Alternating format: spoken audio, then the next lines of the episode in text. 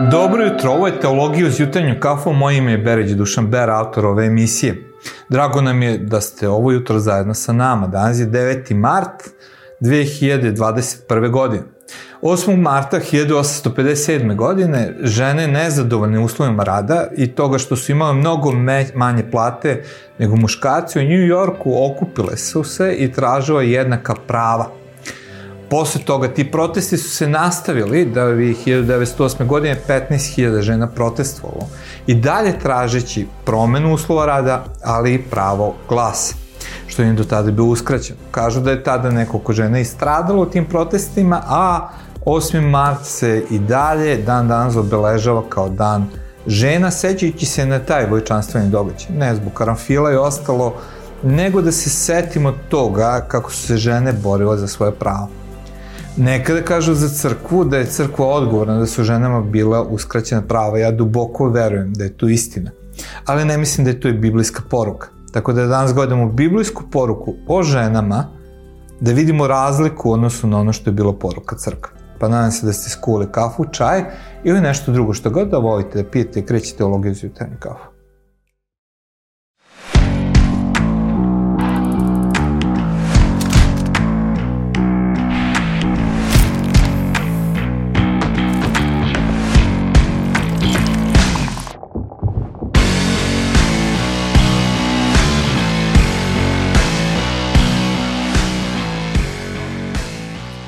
Teologija uz jutarnju kafu je emisija koja za cilj ima da uzme teme iz duhovnosti, hrišćanstva, istorije crkve, Biblije i približi u svakodnevni kontekst. To je moj cilj, moja želja da vratim a, teologiju hrišćanstvu uopšte, priču o hrišćanstvu neki svakodnevni kontekst. To činimo uz pomoć ove emisije Teologije iz jutarnju kafu, ali činimo uz pomoć emisije koja se zove Priča jednog sveštenika, malo drugačiji, gde to radimo u prirodi, u nekoj avanturi, ponovo sa istim ciljem, da vratimo priču hrišćanstva u neku svakodnevne događaje, kao što je to bilo u vreme gospoda Isusa Hrista.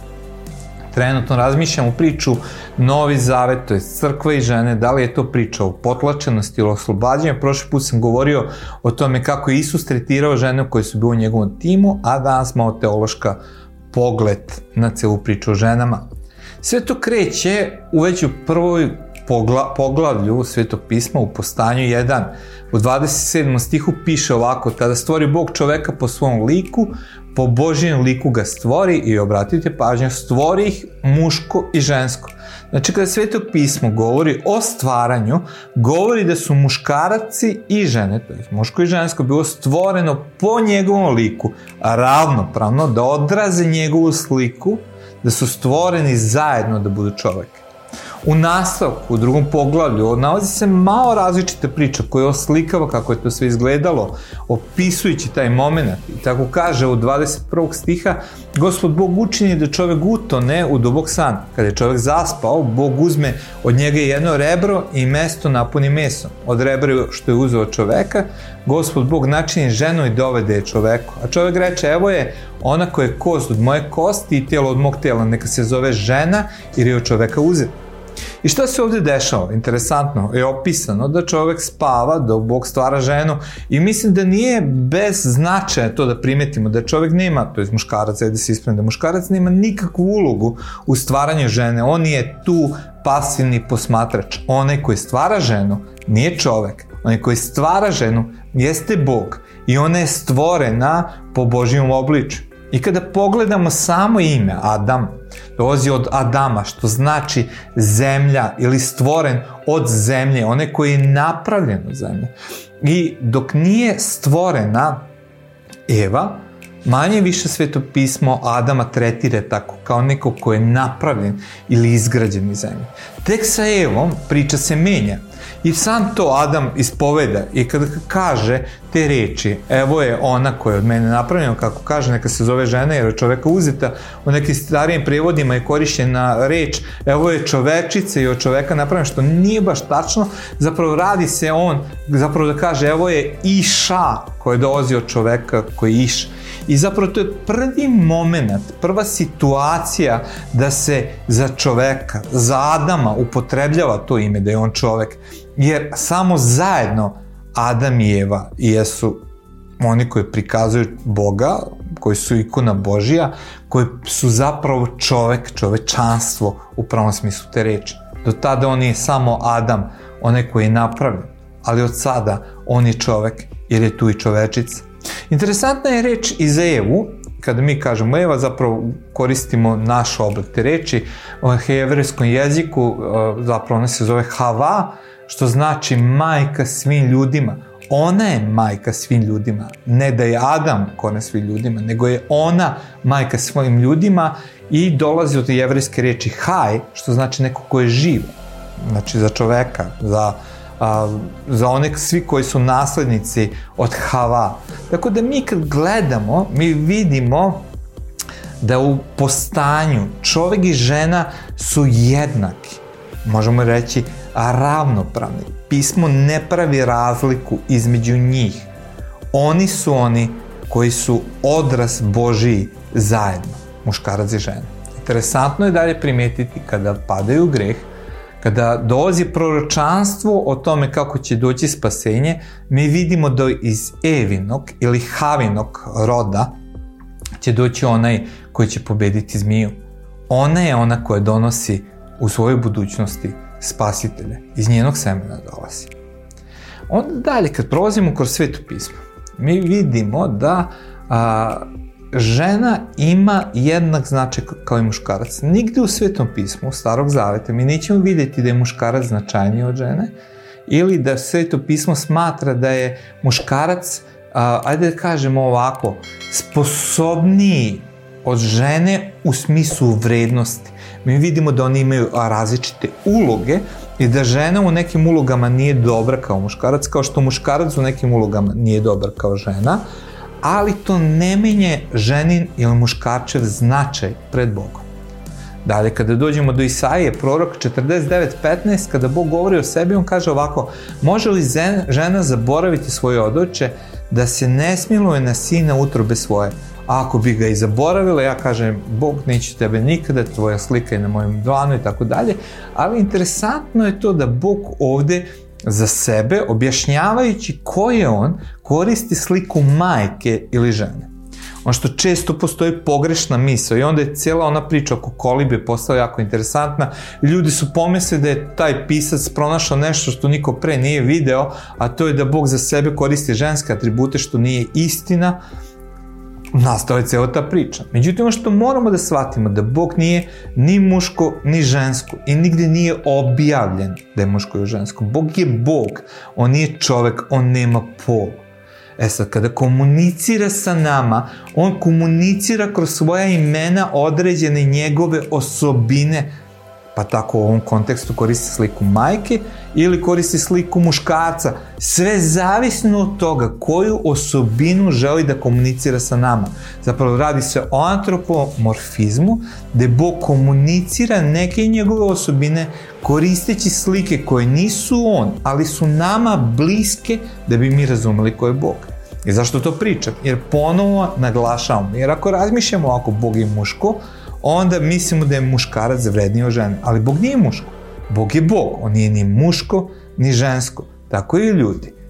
Odražavaju i muškarci i žene Boga, zato što ne odražavaju nekoga koji ima pol, nego je nešto mnogo više od toga. Kada dolazimo do spasenja, ono što mi pronalazimo dalje, da u spasenju Bog otkupljuje kroz Hrista Isusa i muškarce i žene. Prošle nedelje sam govorio o Hristovom delu, o njegovom odnosu prema, prema ženama. I ono što smo mi videli da su žene prve posvedočile Hristovo vaskrsnuće, čime je dao posebno mesto i nagovestio da su jednako značajno u društvu koje je bio potpuno protiv toga, jednako značajne kao muškarci.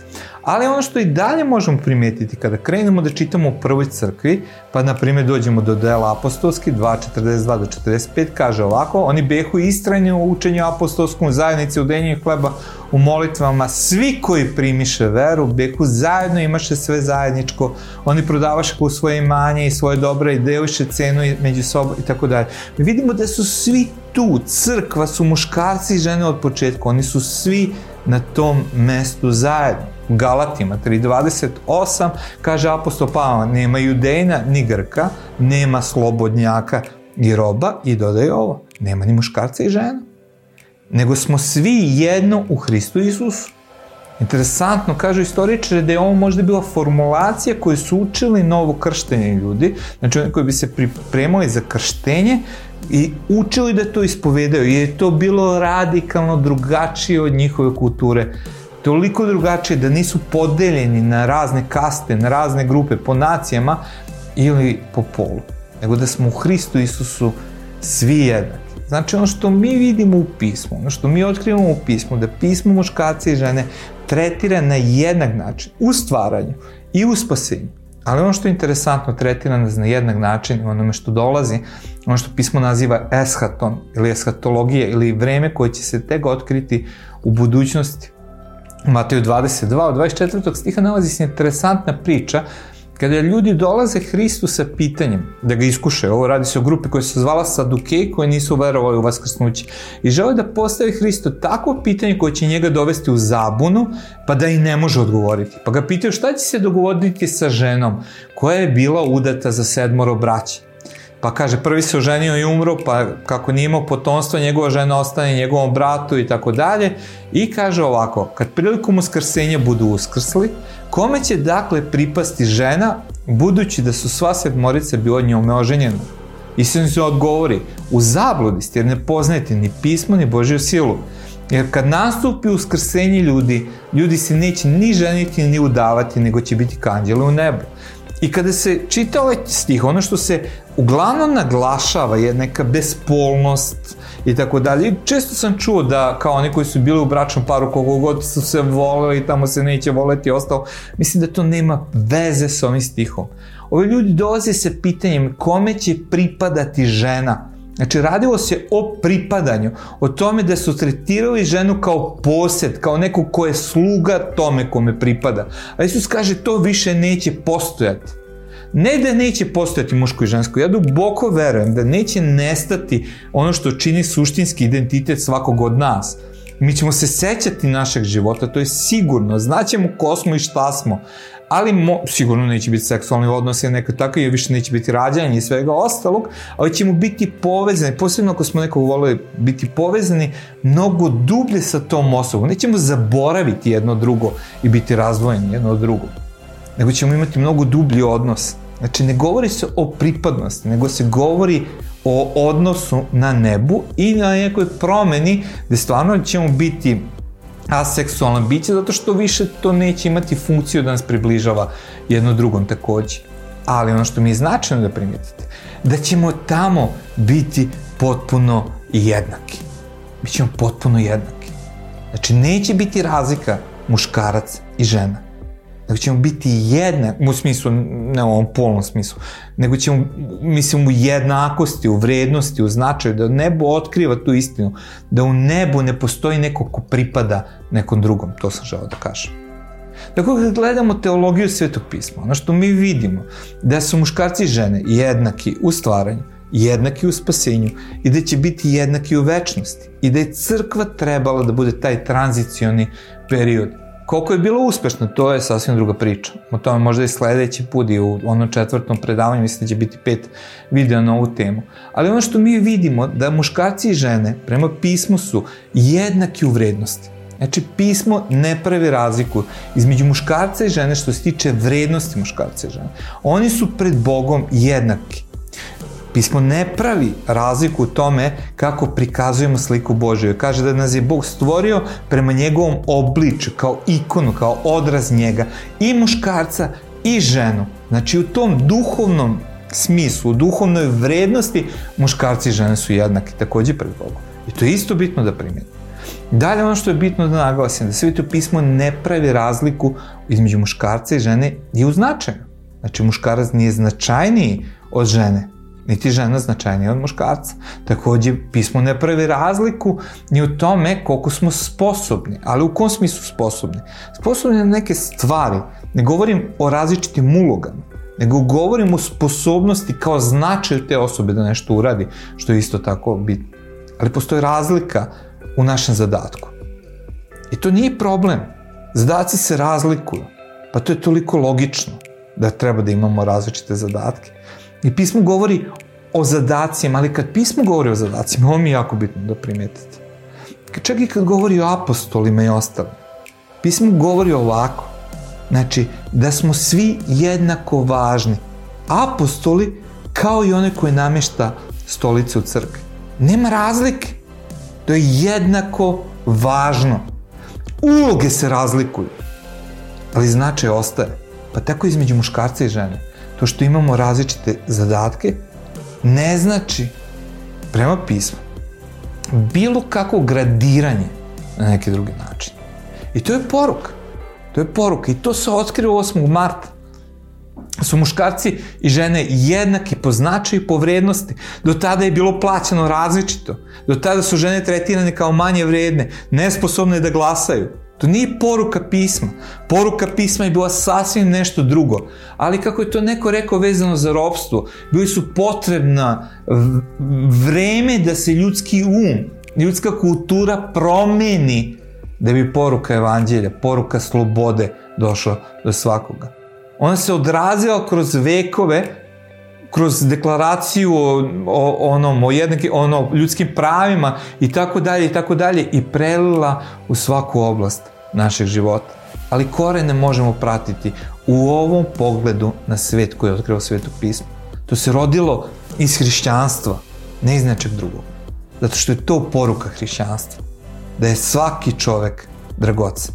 Bio muškarac ili žena, što je za sveto pismo manje bitno.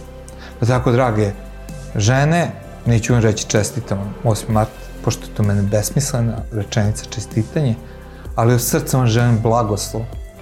I drago mi da je vreme toliko promenjeno, da smo jednaki, a da će doći vreme u večnosti, kada dođe Gospod Isus Hristos, kada će ta jednakost biti potpuna. To je to za današnju teologiju iz jutarnjeg kafa. Podelite, lajkujte, komentarišite, dajte mišljenje o ovom videu. Podržite nas ako možete finansijski, to bi bilo super, treba na nova oprema, treba da kupimo neke nove stvari, Gali uvek prepuni ideja šta treba kupiti. A do tada uživajte uz jutarnje kafu.